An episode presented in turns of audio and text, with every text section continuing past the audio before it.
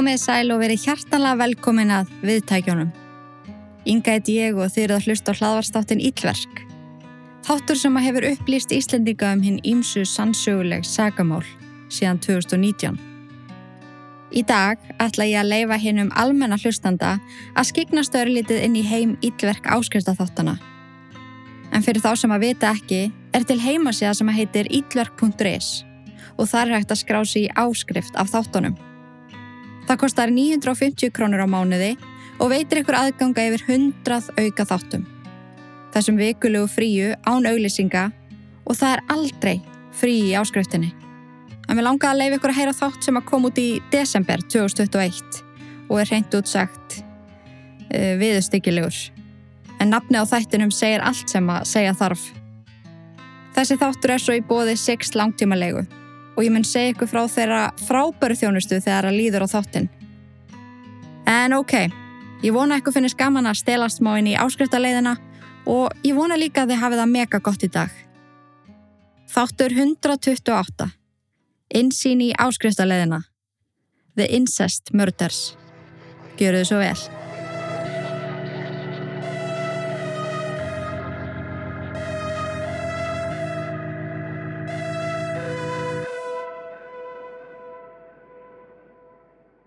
3911, address of the emergency. Yes. Um, uh, my son just called me, and uh, he told me he, oh my God, from North Carolina, uh, he killed his his baby, and he's in the house. Okay, you said that he told you he killed his baby. Okay, ma'am, listen to me. What's your name? Hinn 73 ára gamla, Grace, sem átti sonin Stephen, er í miklu uppnámi þegar hún ringir á neyðalínuna og tilkynir að Stephen, sonur hennar, hafi myrt sinn eigin son, eiginkonu sína og tengdaföðu sinn. Á einu augabræði þurkast helmingurinn af fjölskyldunni út og hún skildi ekki af hverju. Stephen og eiginkona hans hafðu átt erfitt síðustu vikur og kvöldi áður hafði hún ringt og sagst vilja skilnað. Svo auðvitað var hann í uppnámi. Hann elskaði konuna sína og barnið sem þau áttu saman. En samkvæmt mömmans virtist hann rólegur og yfirvegaður síðast þegar hún hitt hann. Fólkum öll bandaríkin, þar sem að málið á sér stað, veldi í fyrir sér hvað í ósköpunum hafi komið fyrir eftir að frettinnar bárust af morðunum. Hvað var það sem að fekk Stephen til þess að gera það sem hann gerði? Og hvað var það sem að raunverulega olliði? En það átti fljótlega eftir að útskýrast. Fjölskylda Stephen vissi sannleikan. Þar á meðal öldruð móður hans. En ætli hún hafi ekki verið í freka mikilli afneitun. Þegar fjölmeilar skýrðu frá raunverulegum aðstæðum fjölskyldunar og þuldu upp söguna sem að hafi gengið á síðan Stephen var 21 ás, þá vakti sagan upp viðbjóð þeirra sem að heyrða hana. Á samfélagsmiðlum mátti sjá aðtögusemdir eins og Ói, í hvernig heimi búu eiginlega?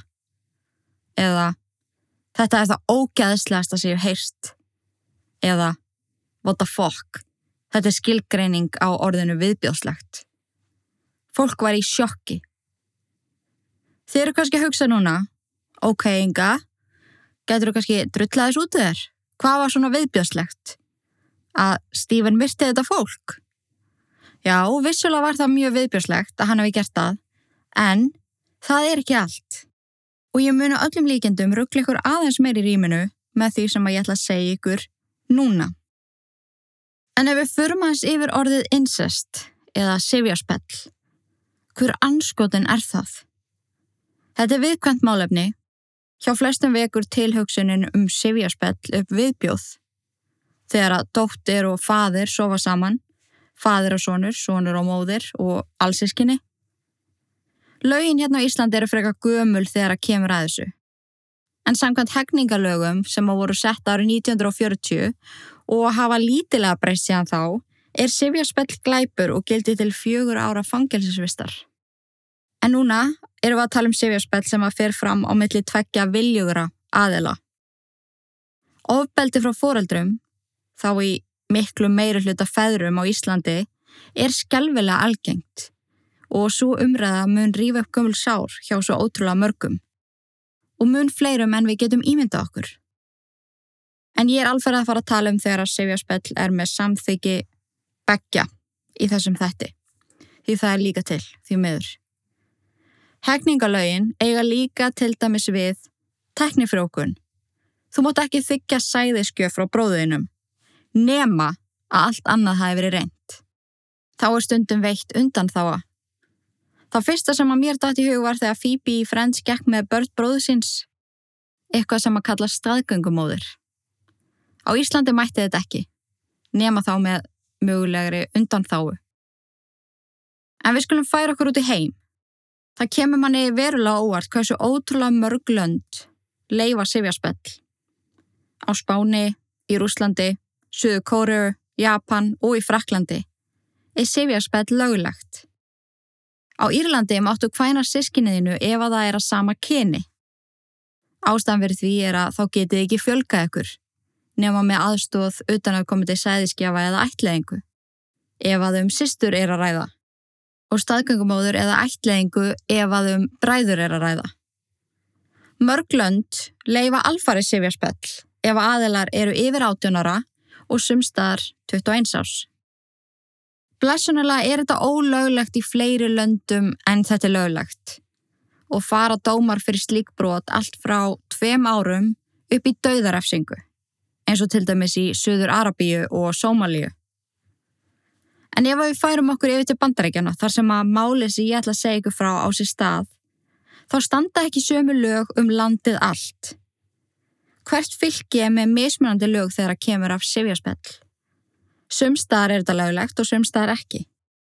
En til þess að auðvelda lagasetningu er glæknum skipt upp í þrjú stig.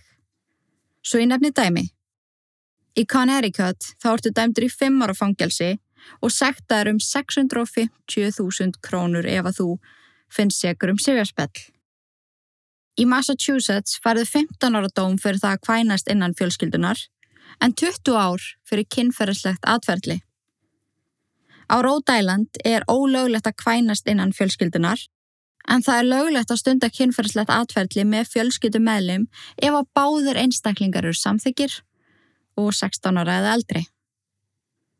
En svo ég segi ykkur frá þessum þrem stegum sem ég talaði um hér áðan. En fyrsta steg sem er þá algjörlega ólöglegt er þegar að fóreldri með barni, allsískin eru saman og einegja tvíburar eru saman. Annar steg sem er ólöglegt með undantekningum er til dæmis afi og barnabann, amma og barnabann, hálsískinni, móðusistir, móðubróðir, föðubróðir. Þriðasteg sem er þá löglegt er svo dæmis í nefnt frendi og frænka Ég mætti til dæmis giftast Alexandru frænkuminni en mamma hennar er sýsti mömmu minnar sem er nú gott að hafa bak við eira þegar þetta gengur ekki upp hjá mér og kjartani. en svona er þetta í bandaríkjanum í grófum dráttum og í flest öllum fylgjum gildir stegnum með tvö, ólöglegt með undantekningum. En ok, þá veitum við allt um Sivjarspell sem er frábær fróðleikur, eða hittu heldur, en mjög áhugavert.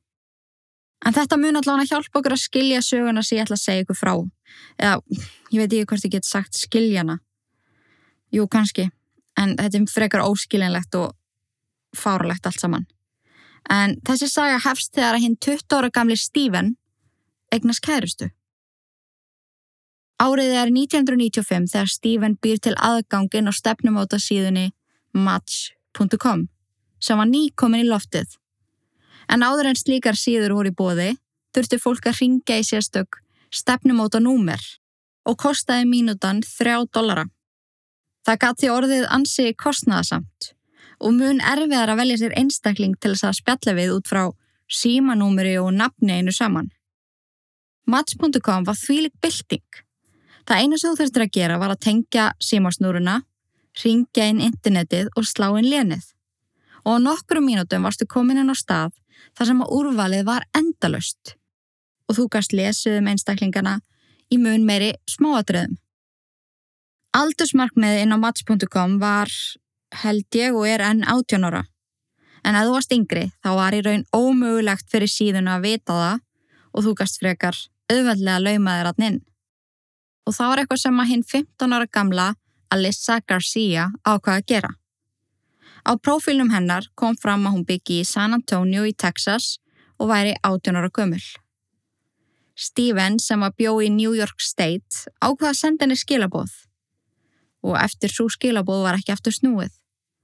Þau spjalluðu saman allan liðlangan daginn og farður samræðuna svo fljótlega yfir í síman þar sem að Alissa viðkendi svo fyrir honum að endanum að hún væri í raun 15 ára gömul. Steven sem var þarna orðin ansi skotin í henni sá ekkert aðtóvertu það en það var Alissa bráþróska og áhugaverð ung stúlka og var hann einhvern veginn búin að býta í sig að það yrði eitthvað meira á millera þóttu hún væri 15 ára. Steven sapnaði sér peningum og ferðaðist til San Antonio til þess að heimsækja Alissu aðeins nokkrum vikum eftir að þau kynntust á match.com. Dvölinn sem átti bara að vera nokkri dagar endaði á að standa yfir í mánuð. Fóreldrar Alissu voru ekki mjög satt með þetta. Þeim fannst fáralegt að tvítu og maður væri með 15 ára stelpu. En þau bönnuðu þeim samt ekki að vera saman.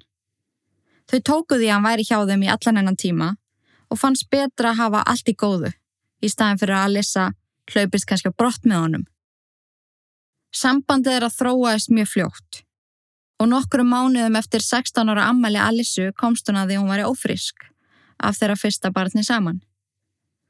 Í janúar árið 1998 eignastu dóttur sem að þau skýra Denise. Fjölskylda Alissu tekur barninu ótrúlega vel og hún var sjálf mjög hamingisum með dóttur sína. En það breyttist mjög fljótt. Stephen hafði líka breyst, mjög skyndilega. Og þegar Denise var aðeins átta mánaga gömul var Alissa komin á fullt í það að reyna að finna fjölskyldu sem að gæti þá ætleitt Denise. Stephen var nefnilega svo ótrúlega vondu við barnið frá fyrsta degi. Hann þóldi ekki þegar hún grétt eða þegar það þurfti að skipta á henni. Hann hrist hana, kleip hana og hendin í rúmið þegar hún grétt. Og meðan öskraðan Þegiðu, nennuru plís að þegja. Hann þóldi ekki að hlusta á hann að gráta. Ofbeldið var svo verra. Hann kleipa hana stundu svo fast að barnið var blóðsprungið og marið.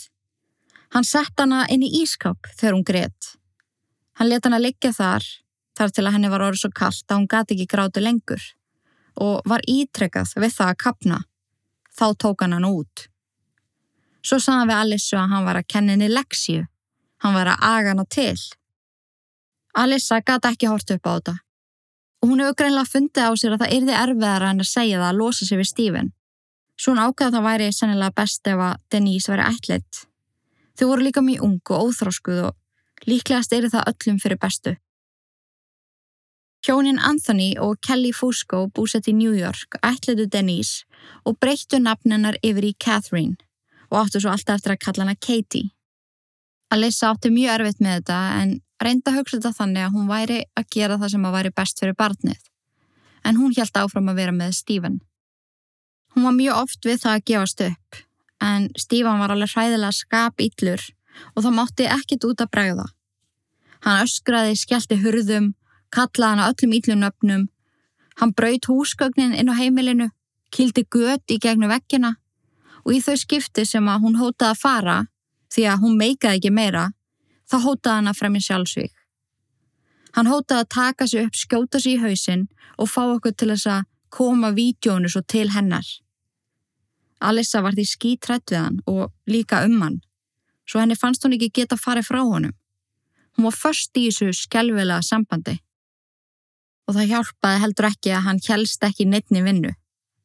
Og ángríns þegar ég var að skoða þetta, svona um Stephen og hans líf þá fekk ég alveg smá flashback því að þetta er svo ótrúlega algengt í málum glæbamanna allavega þeirra sem ég hef tekið fyrir að þeir haldist ekki vinnu því að þeir koma svo illa fram við samstagsfélaga sína og meiki ekki hafa yfirmann sem að skipa þeim fyrir þá var því ofta erfitt hjá þeim fjáraslega og þurfti Alissa og Stephen ofta að reyða sig á fóreldra Alissu sem að voru ekki parsátt en sættu sig þó við ráðhag dóttu sinnar Þegar að Alissa var 19 ára gömul þá giftuðu sig og 2007 eignuðust þau aðra stelpu saman 12 árum eftir þeirra fyrsta barn. Alissa var mjög áökjufull. Hún hugsaði með sér, hvað ef að Stephen myndi beita þetta barni ofbeldi líka. En ákvað þó að gefa sér sjens því að þau voru þarna orðin eldri og þróskari og hún vonaði að það hefði ykkur áhrif. 2012 eignuðist þau svo aðra dóttir. Við vitum ekki mikið um heimilislífið þeirra því að þetta mál hefur aldrei verið neitt sérstaklega umtalað nema bara rétt eftir að það gekk yfir. Og það hefur engin úr fjölskyldunni þannig sé farið ykkur viðtöl eða neitt svoleiðis. En það sem við vitum er að Alissa þráði ofta mörgusinnum að komast í burtu.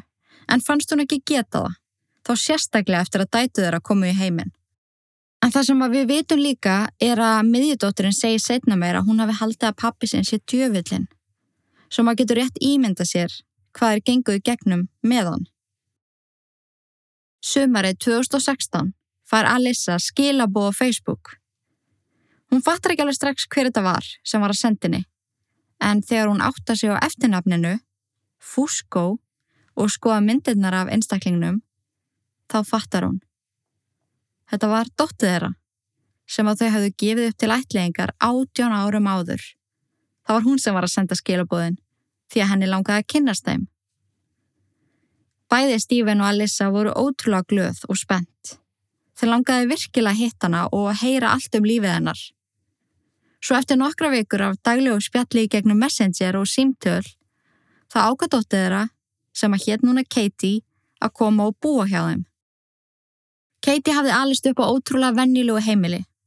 Aldrei skort neitt og fengi alla þá ást og umhyggju sem að barð þarf. Hún var alveg ótrúlega klár, elskaði að teikna, mála og hanna, ásandi að dyrka dýr. En mjög ung ákváð hún sjálf að verða vegan því að hún gæti ekki hugsa sér að borða vini sína. Hún var líka mjög ábyrrandi í félagslífi Dover mentaskólans sem að hún gekk í, en ofan á það að vera frábæri námsmaður var hún formaður listanemdar og stofnaði hóp í skólanum sem að vannað herrferðum þegar koma kvennréttindum.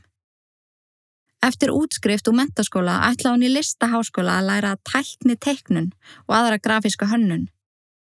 Og um það leiti sem að hún hefði samband við blóðfóruldra sína þá hafði hún nú þegar fengið ingöngu í skólan. En hún ákveði svo að draga umsóknina tilbaka og taka sér pásu frá skóla í eitt ár því að henni langaði að eida tíma með nýfundnu fjölskyldunni sinni. En henni fannst alveg einstaklega skemmtilegt að græða hann og tvær systur. Stephen og Alissa tók henni með opnum örmum og rýmdu herbyggi fyrir hana.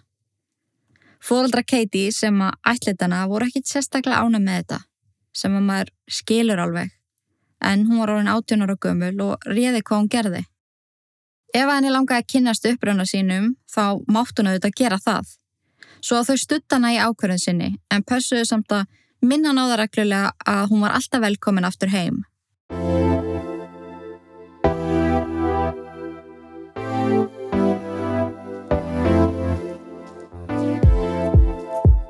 Ég er ekkit aðlilega ána með viðbröðun frá okkur við nýjasta samstarfinu en þið hafi verið ansett duglega að senda á mig hinnar ymsu pælingar þegar að kemur að sext langtímalegu.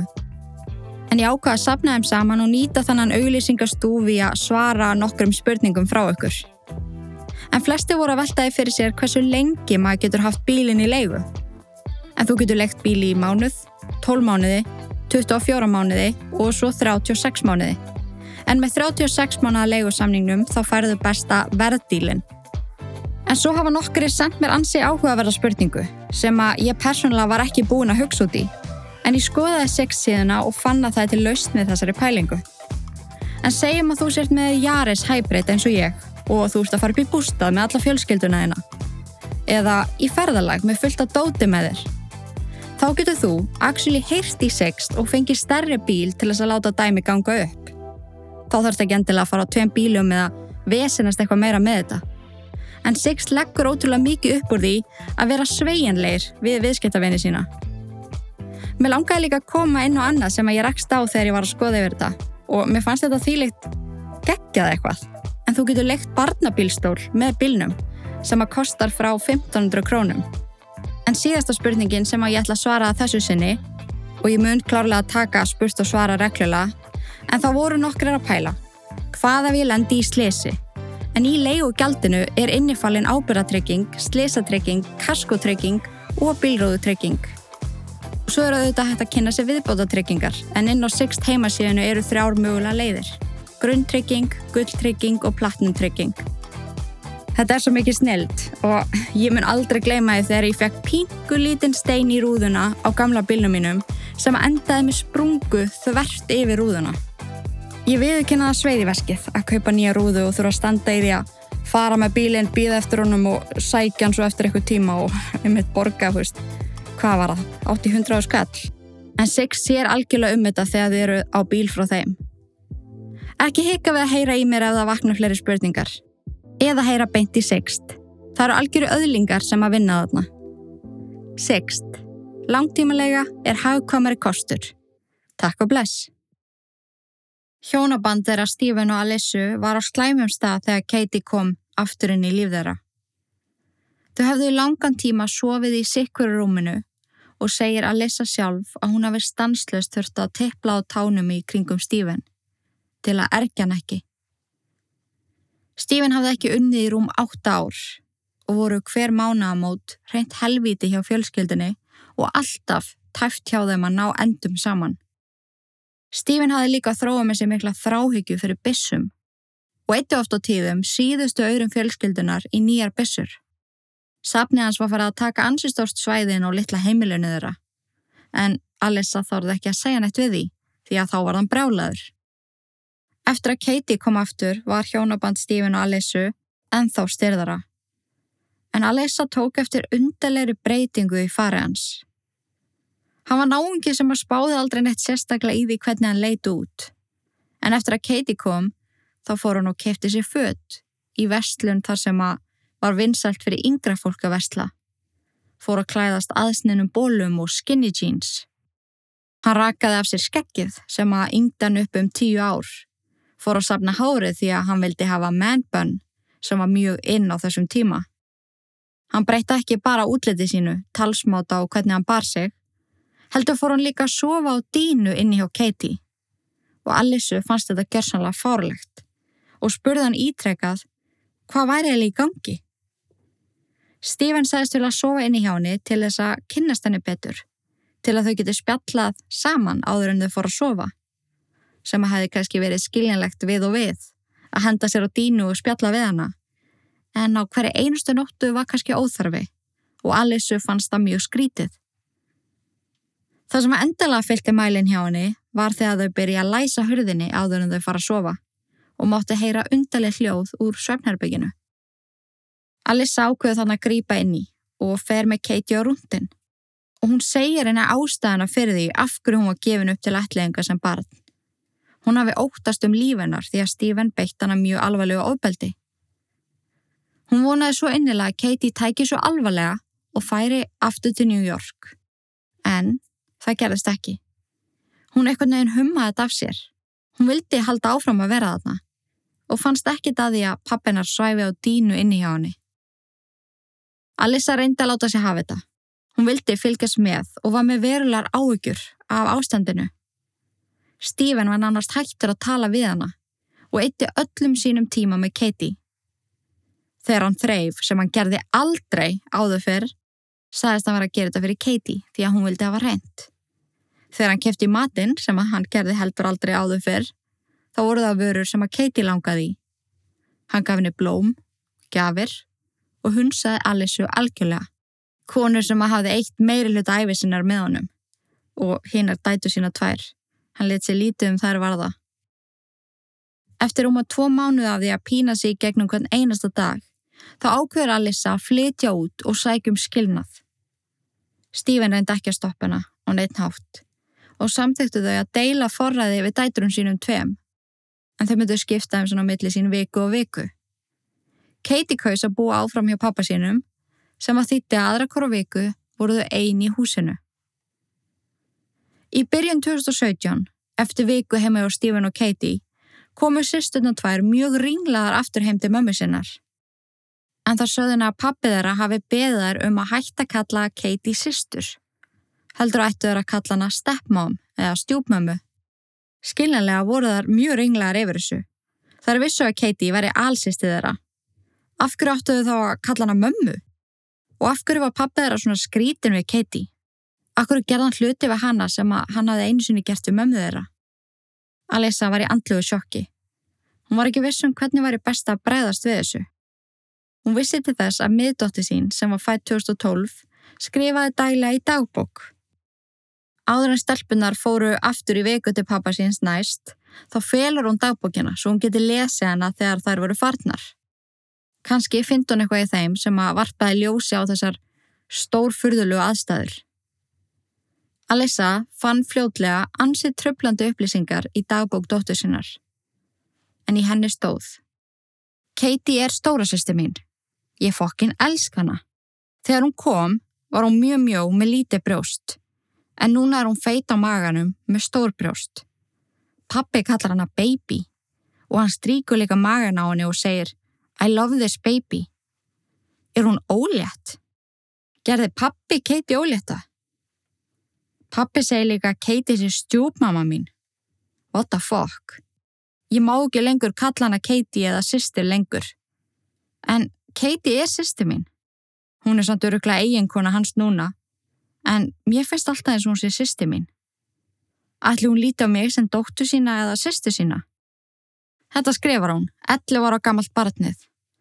Hún er svo innilega ringluð í þessum aðstæðum og veit ekki hvernig á að snúa sér. Hversu ótrúlega skrítið að upplifa þetta. Og spá líka í því hvað það getur gefið henni brenglaða mynd og sambund og bara yfir höfuð haft ótrúlega mikil áhrif á hana. En á annari blaðsju í dagbókinni fann Alissa líka tekningu. En dótturinnar hafði teknað föðu sinn sem djöfull með horn. Svo skrifur hún í hortni á blaðsjöðunni. Bittu nú við, ef að pappi minni djöfullin og Katie er mennsk, þýðar að þá ekki að barni sem þau eignast verði hálfu djöfull. Alissa kastaði upp eftir að hafa komist að þessu. Hún öskraði, gekk fram og tilbaka um húsið, gössanlega, traumatized. Fyrst hjælt hún að Stephen væri að reyna að snúa Katie gegn henni. Hann vildi verða uppáhalds fóreldrið. Sam og hann hafi gert við hinadætu þeirra. Hann vildi alltaf vera aðal og talaði niður til Alissu. Hún hjælt í alvörunni að það væri staðan. En þegar hún kom staði að hann væri að sofa hjá dóttu þeirra og hafi gert hann að óletta, þá ringd hún brjáluð í hann. Hún kallaði hann sjúkan og það sem hann var að gera væri bæði ólöglegt og ógeðslegt. Það eina sem hann segir er Hm, ég held þú vissir þetta og væri búin að vita þetta í eitthvað tíma. En við erum ástfangin. Alissa finnur að það þýðir ekkert að tala við Stephen. En hún varð að gera eitthvað í þessu. Svo hún fyrir til lauruglunar. Segið þeim allt og leggja fram kæru. Í kjölfari rætti laurugla við Stephen, Katie og stelpunar tvær en engi var handekinn og það var í raun ekkert gert í þessu. Alissa fekk þó í gegn fullt forraði yfir yngri dætum þeirra og bannaði Stephen að koma nálat þeim með aðstóðu nálgunabans. Stephen og Katie fluttu úr bænum og inn til móður Stephen. Þann 10. júli árið 2017 ferðuðu Stephen og Katie ásand fóruldrum Katie sem að ætletana og móður Stephen, Grace, til Maryland. Og þar giftist Stephen Cass óléttri dóttur sinni. Það er til mynd af stóra deginum og það er svo klikkað að mammans og fóreldra hennar vissu vel að þau væru fekkin en þau voru samt í staðar hann á brúköpsdægin, skell brosandi fyrir myndina. En þau segja setna meir að Katie hafi verið staðræðan í því að giftast honum. Einu sénsinn fyrir þau að halda sambandi við hana væri að styðja hann í gegnum allt. Meira segja það að giftast og eiga bad með blóðföðu sínum. Ástæðan fyrir því að þau náðu að gifta sig í Maryland var af því að þau lugu að því að þau væri ekki skild og fölsuðu hérna ýmsu pappira. En í Maryland þá máttu vera í sambandi með föðinum og stunda með honum kynlíf ef þú ert yfir átjónara, en þú mátt ekki giftast honum. Þann 1. september árið 2017 eignuðust feðgininn sonin Bennett, en þegar hann kom í heiminn bygguðu ennþá heima hjá móður Stephen, henni Grace. En þar bygguðu til 1. januar árið 2018 en á þeim degi voru Katie og Stephen handtekinn og ákjærð fyrir sifjaspell og fyrir það að ljúa yfirvöldum í Maryland svo þau getur gift sig. Loksins voru ábendingar Alissu að skila sér alla leið eftir allan þennan tíma þar sem ekkert var gerst. Þau voru svo leist út á tryggingu nokkrum dögum síðar en þeim bannaði að hafa samskipti við hvort annað. Katie fyrir aftur til fóreldra sinna sem að ætletuna og flutti inn á heimilegðara í New York. Og Stephen flyttur inn í lítið hús sem að er staðsett mjög nálat heimili mömmans. Þau voru aðskilin í nokkra mánuði og ætli Katie hafi ekki þurft hennan tíma til þess að átta sig. Sambandið sem hún áttu við föðu sinn, eða hjónabandi réttar að sagt, var ekki heilbreykt. Hún braut því í reglunar með að með ekki koma nálat hver öðru eða verið sambandi og ringdi í Stephen. Í því simtali segist hún vilja skilnað og að þau ættu ekki að hafa frekari samskipti. Móður Stephen, Grace, sem að var þarna í kringum áttrætt, fekk forræði við Bennett litla. En bæði Katie og Stephen váttu að koma og hitta hann, þó í sikkur og lægi. Þann 12. apríl árið 2012 fór Stephen í heimsóti móðu sinnar og sótti Bennett, en hann hafi fengið leiði til þess að hafa hann yfir nótt. Rúmlega sjöngkvöldið þá ringdi Stephen í mömmu sína og sagðist hafa ekki af stað til New York með barnið. Katie hafi ringt í hann og byggði hann um að koma með Bennett til sín. Hann ætla skuttlanu þangað, leifa Katie að hafa hann í smá stund, svo myndi að sækja hann og koma með hann aftur heim. Hann myndi svo skila Bennett til mömmu sinnar morgunin eftir, eða þann 13. apríl. Upp úr hádegi, þann 13. apríl 2018, fekk neyðalínan inn þetta símtall. 911, what's the location of your emergency? Hello, this is uh, Connecticut. It's on Route 7 and Route 55. Someone just went by and shot this guy in the truck. Shot Somebody just fast, shot somebody in a truck on on Route, on Route 55, sir? Yes, right at the beginning of Route 55 and Route 7. It just happened. I'm a fireman out of New York. The car pulled up, went around him, shot him. Whole clip full into his head. Okay, sorry. Is, are you still with him? We're here at the road. Where? Right at the intersection? Yes, sir, right Is at the intersection. Is, okay, sir. He's deceased, boss. The He- truck's in the middle of the road. He he's dead, Yes, sir. The brains are on the road. and he was shot. Did you see the person who shot him? Yeah, we pulled up. There's a whole, yes. Who? Okay, which way did the vehicle go? Headed toward New Milford, down Route 7. Down Route south. Seven. What? Can you describe the vehicle to me? It's a blue minivan with, I believe, a South Carolina plate. Blue minivan, South Carolina plate. Yes, sir. A light blue minivan. We were pulling up to the stop sign. He went around two OG trucks. These two were behind him. As soon as he opened fire and shot these two people, he went up there around them. Are there two OG people trucks. deceased, sir? Yes, sir. There's two people deceased. That's what's in the car is all. Two people. Two people who were shot. Yes, sir. I'm going to pull my truck up here and block the view of everything, and then we'll try to keep them going around. Okay? Well, I'm going to try. Okay, sir. Sir, are you are you positive that they're deceased? I'd say they're both deceased, don't you? Yeah. I mean, it's pretty bad. Their brains are laying here. Freaking Were they around. both shot in the head, sir? Sir? I'm looking. Okay. Oh, I mean, don't don't touch anything, sir. I just I'm just just trying to clarify. I know they're both deceased. Yeah, the other one shot Okay. me. in Did you, did you see the shooting happen? Yes, sir. Okay. And was it? A, did you see a rifle, a shotgun, or a handgun? Couldn't tell you nothing. You I couldn't just tell me see the nothing? vehicle alongside of it, and the shots coming outside the window going through the truck. Einhver hafði setið um Katie og föður hennar. Beðið eftir því að þau færa heiman, stöðvað við hliðina á þeim á rauðum ljósum og skotiðu bæði til bana innum rúðuna á bílnum þeirra. Árásamæður var hvergi sjáanlegur, en hann hafði ekki í burtu frá vettvangi. Fljótlega eftir að fyrra simtalið barst neða línunni, ringdi inn eldri kona í miklu uppnámi. 3911, address of the emergency. Yes. Um, uh, my son just called me, and uh, he told me he, oh my God, from North Carolina, uh, he killed his his baby, and he's in the house. Okay, you said that he told you he killed his baby. Okay, ma'am, listen to me. What's your name? Okay, tell me exactly what happened. Uh, he he's I he's he's not home. His wife broke up with him over the phone yesterday, and he told me she's in New York, and he told me he was on his way. He called me last night and said he's on his way. He's going to bring the baby to her, and then he was coming back.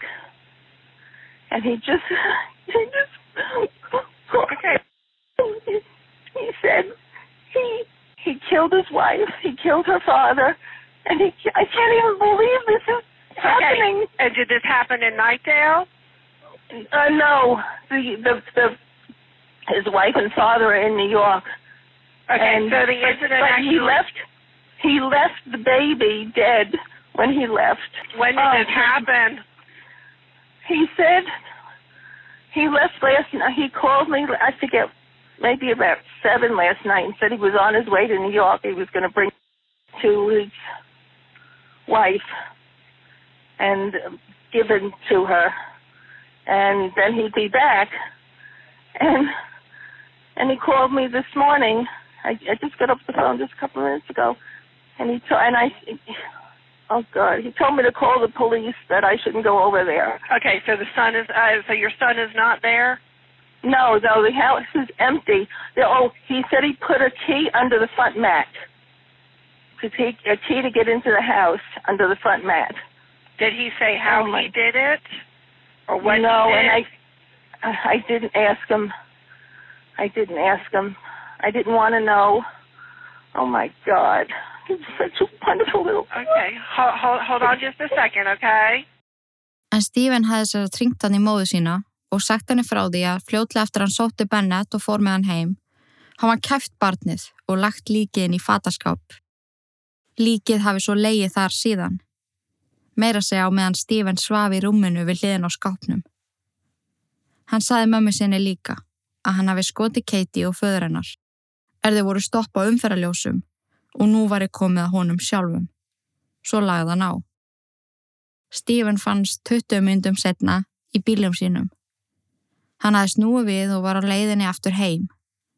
Hann hafði stungið byssunni sem hann notaði til að drepa Katie og Anthony Fusco upp í munnin á sjálfu sér og skotið. Ef að Grace hefði bara hringt á laurugluna þegar Stephen sagðist vera farin til New York. En með því að fara að hitta Katie var hann að brjóta lög og hún vissi það alveg. En hún leifði þess að gerast en það fannst henni Stephen aldrei gera neitt rámt. Og þótt hún vissi vel að hann var í giftur dóttu sinni, kalla hann Katie alltaf eiginkonu svona síns. Fjórir einstaklingar voru látnir og fóru frettinnar um sifjaspell sjálfsvíksmorðið eins og eldrum sinu. En fljótlega eftir að áttur sér stað var haldin bladamannafundur í beinni útsendingu þar sem að atbyrðurinn var útskýrið fyrir almenning. En það hafði frest út að barnið sem að fannst látið og svo morðin í New York varu tengt og aðiladni sem varu látnir hafi komist áður í kasti laugin. Tentatively identified as Anthony Fusco, age 56, of Wingdale, New York. A female passenger, tentatively identified as Katie Platel, age 20, also of Wingdale. They received several rounds of uh, into the uh, passenger compartment that resulted in injury that eventually resulted in their death. Uh, investigative efforts learned the identification of the suspect vehicle and travel direction. An area-wide communication resulted in the location of the vehicle by New York authorities at Dogtail Corners in Dover, New York. At this time, the suspect, tentatively identified as Stephen Platel, age 42, of Knightsdale, North Carolina, was found deceased in the vehicle with believed to be self-inflicted gunshot wounds. Obviously, I wish that we were speaking under different circumstances. Uh, we called this briefing this afternoon to update you on the status of the infant death investigation that we have been conducting today on Earlston Court. I also want to create an opportunity to provide some links between the crime that occurred here in Nightdale and also the crimes that you no doubt have been uh, hearing about uh, in Connecticut and New York today as well. By now, you should have received a copy of the press release. I'm not going to read that verbatim, but I will tell you that earlier today, around 9 o'clock, our officers received a welfare check request uh, at the address of 106 Earlston Court here in Nightdale. Our officers responded to that location, made entry into the residence, and there they discovered uh, the body of a seven-month-old uh, male infant. Uh, the infant's name is Bennett Plato. It's also important for you to know that there is a connection between the events here in Knightdale today and the crimes that are being investigated by the New Milford, Connecticut Police Department and the New York State Police Department.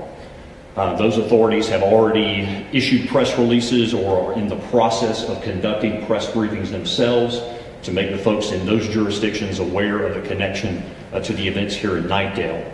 Uh, the New Milford, Connecticut Police Department is investigating a double homicide, while the New York State Police Department is investigating uh, what is an apparent suicide in their jurisdiction. One of the things that I do want to confirm, there's been some speculation about this, but I will confirm that today's events do involve Stephen Platel, 45 year old male, and Katie Platel, a 20 year old female. You may recall that those individuals were the subject of an arrest here at Knightdale back in January 2018 uh, for some warrants that were issued by the Enrico County Sheriff's Office out of Virginia. Once those warrants were issued uh, and served by our agency, the extradition process began. Uh, it went back to Virginia uh, for uh, their court jurisdiction. It is our understanding that the case was awaiting uh, trial there. During that period of time, the child, uh, Bennett Platel, was in the custody of Stephen's mother. It is Stephen's mother who called us this morning uh, to make the request for the welfare check at that location. Again, as our officers uh, arrived on scene, we found the infant inside the home. There was no one else inside the residence when our officers made entry. Over the course of the day, we began receiving uh, contact information for the authorities in Connecticut and New York. Our detectives and investigators began working collectively with the authorities in those jurisdictions to kind of piece together how these events were connected. There was a lot of cooperation, a lot of sharing of information, and I think we have a pretty good handle on exactly how things transpired, not only here in Knightdale, but also in those uh, municipalities as well. Stuttu eftir að Katie, Bennett og Anthony voru jörðuð við fallega aðtöfn. By the way þá var Grace og eina sem að mætti í jarðaförun hans Stephen, sérst móður hans. En fljótlega eftir að það er búið að gerða hérna alla fjóra einstaklingana þá fór Alexa í viðtal við Daily Mail og rætti líf sitt með Stephen. Hún var með honum í 20 ár, frá 15 ára aldrei. Barnið sem hún forðaði frá honum var núna dáið. Ömmu barnið hennar, sem var líka bróðir dætrannar, var dáin. Maðurinn sem að bjargaði lífi Katie og gaf henni gott líf, hann var dáin og maðurinn sem að hún hafði eitt nær allri æfisinni með og faði barnan hennar var líka dáin. Vákvæða hlýtur að hafa verið ótrúlega mikið fyrir eina mannesku á allan hátt. En sjálf segist hún ekki sirkjan. Hún sé fegin því að þurfu ekki stanslöst að vera teipla á tánum og að mjög ill manneskja sé búin að yfirgefa þessa jörð. It's the truly shocking story of incest and betrayal that's been rocking headlines on DailyMail.com. And now, in a Daily Mail TV exclusive update, Alyssa Platel is back, courageously speaking out about the tragic events that have unfolded since her husband Steven's incestuous relationship with their biological daughter, a relationship that led to murder and suicide. I really hope that she realizes how truly young she still is and that she has the chance to start over, and I hope she can. Well wishes from a mother for a daughter entangled in an incestuous relationship with her biological father. But Alyssa Platel's hopes for the daughter she gave up for adoption would never be realized. Alyssa's ex husband and father of their daughter, Katie, Steve Platel, would murder the 20 year old, kill the baby he fathered with her, and take the life of Katie's adoptive father before turning the gun on himself. The horrific tragedy happening just nine months after Steve married Katie, and two and a half months after they were both arrested for incest. Hearing that he murdered her and the baby and the father, it took the wind out of me. I was just sobbing. I was weakened. I I felt like I was falling apart. Alyssa, who spent two decades with Steve, says she is devastated by all of the carnage, but not at all surprised. He was verbally, emotionally, and mentally abusive throughout our 20 years together. He did do many violent things. He had nearly beaten to death one cat and did beat to death another cat. He would go long periods of time of not talking to his family. He was extremely isolated. Any friends he had were mostly online. He owned many guns, he couldn't keep a job. Alyssa says he even abused Katie as a baby before they gave her up for adoption. The adoption actually happened because I was worried about Katie's safety. She would cry and it would just instantly trigger him. He would curse, he would tell me to shut her the hell up. Uh, he would at times scoop her up and place her into a big cooler that we had. And then um, sometimes he would he would just shut it tight. He knew it was possible she could be dead and he was not phased by it. So I would finally go back there and open it and get her out. He was a special kind of scary to me, and I did not know how to get away from that without getting myself or Katie killed at an even younger age. Alyssa says she's heartbroken over all that's happened, but she won't be grieving Steve's suicide. To be quite frank, it's been a difficult roller coaster of emotions because I am so devastated by the loss of Katie and her adoptive dad and baby. But it is such a relief to know that I don't have to look over my shoulder anymore to see if Steve is there. I am thankful for the children that I had from him that I still have today. Outside of that, I did feel for a very long time that he was not a person that was very deserving to be on this earth anymore.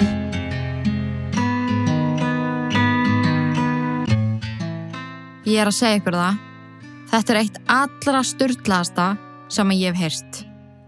Hversu ótrúlega ruggla mál frá A til Ö.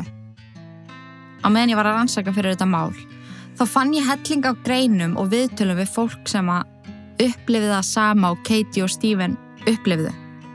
Fóreldrar sem að gáu börnin sín upp til ætlaðingar, hittuðu svo þegar þau voru um fullorðin og fjallu fyrir þeim á romantískan hátt.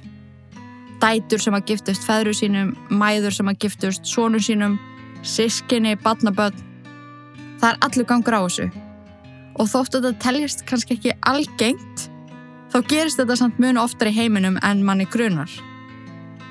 Það var kona sem ég las viðtal við og ég man ómögulega hvað hún heitir akkurat núna. Ég skal finna það og setja það á Instagram. En hún segist að hafa gert rannsókn á þessu eftir að hún fjall fyrir síni sínum sem að hún er meitt kynntist þegar hún var ánum fullarðin. Og hún segir að það sé mjög eðlilegt að laðast á fólki sem að líkist þér. Þið hafi ekki verið tengt í allan innan tíma og svo tengist þið og það er bara eitthvað sérstakt annað til staðar. Þú finnur tilfinningar sem er ekki mögulegt að finna annar staðar. Og þegar Stephen missir hann að Katie úr lífi sínu, fannst honum allt vera búið. Hann uppliði sig aleinan. Hann misti allt á einu bretti og konuna sem hann var ástöngin af og dóttu sína. Og hann hefur einhvern veginn ekki séð henni aðra leið út. Og ef hann ætlaði að fara, þá urðu þau líka að fara með honum. Og þessi kona sem ég var að tala um sem að gerði þessa rannsók, hún er actually bara mikið að reyna að réttlæta þetta. Mér persónlega, ég er ekki að tengja, mér, mér finnst ekki hægt að réttlæta þetta. Ekki neitt að þessu og þá sérstaklega ekki það að hann hafi þurft að taka allt þetta fólk með sér og sjö mánaða gammalt badn. En eins og við fórum yfir í þessu máli líka í upphafi, þá átti Stephen við mjög mikil vandamál að stríða, svona reyði vandamál. Alla hana frá tvítugt og öruglega fyrr. Hann var alveg 100% ekki heill maður og mögulega erði keitiða frá honum. Ég hann að fæ í magan við að hugsa um Sivjaspell og ég sé ekki hvernig það er hægt að réttlæta Sivjaspell á neitt nátt og það er ástæða fyrir því að þetta er ólöglegt. En það sem að þetta er freka nýlegt mál og þetta veitti pottet höfundum Game of Thrones innblástur, svona ángríns er ekki sjúklega mikið Sivjaspell í því. En af því þetta er svo nýtt þá er til hellingur af myndum sem að ég mun að sjálfsögðu deila með ykkur á Instagram Ídverk podcast. Og líka á lokuðu Ídverk grúpunni á Facebook sem heitir bara Ídverk svo endilega skelli ykkur þangað ef þið eru nú ekki þegar þar og skoði myndinar annars vil ég bara þakka ykkur kærlega fyrir að hlusta á þetta brenglaða mál. Takk fyrir að vera til. Þúsund takkir fyrir að vera áskrift og í guðanabænum forðust öll Ídverk nema þetta podcast. Haugur, take it away. Bættu sjöfið og þú dottir eftir lukku. Kýta sáli sem í djúpa hafi sökku Gangin lífi eins og flugur inn í krukku Meðan 666 andast uppu Bættu sjöfið og þú dottir eftir lukku. Kýta sáli sem í djúpa hafi Númer 666 Alltaf sluppu Þegar úti fyrir að dimm og frostin ístir inn að beini. Engin engil sem að veiti verði í eidulögðum heimi Sem að lagðist í eidi með heift og sakleysingjar týndu lífum. Verkin ítlu sem að fólki sá í sínu sínum. Hversu margir hræðast drauga Hversu margir hræðast að að horfi í augu dauðas augu taka mann á taugum eins og andar sem að herja mann. Hvaði voru á himnum fyndu engil til að verja mann. Hjartaslæri svo það sé með djöfulinn á hælunum Refur á móti hænunum, úlfur með sögða gælu Ílska reykar í bænum og lömpi þakma þórað ekki að vanda Allt og marga sálir sem að tilbyðja fjanda. Hamingja krassar eins og skip sem strandar anda Dráttur milli handa. Hættir að vanda Þegar að þreyttir að þálsi Þegar ótti tekur yfir missa sakleysingjar bálið eins og nortni galdra fári. Sættu sjöfið og þú dottir ert í lukku. Sýnda sáli sem í djúpa hafi sökku Hangin líf eins og flugur inn í krukku Meðan 666 andast lukku Sættu sjöfið og þú dottir ert í lukku. Sýnda sáli sem í djúpa hafi sökku Hangin líf eins og flugur inn í krukku Meðan 666 andast lukku Er það reyði sem að geri megin Skeppnuskapur eins og grimmir hundar sem að naga bein Eins og rifur inn í hænsna kofa hænur sofa svefninum langa þegar að andar koma. Þegar illir andar taka yfir liði fyrir yfirlið ef ljósið andar fara fyrir.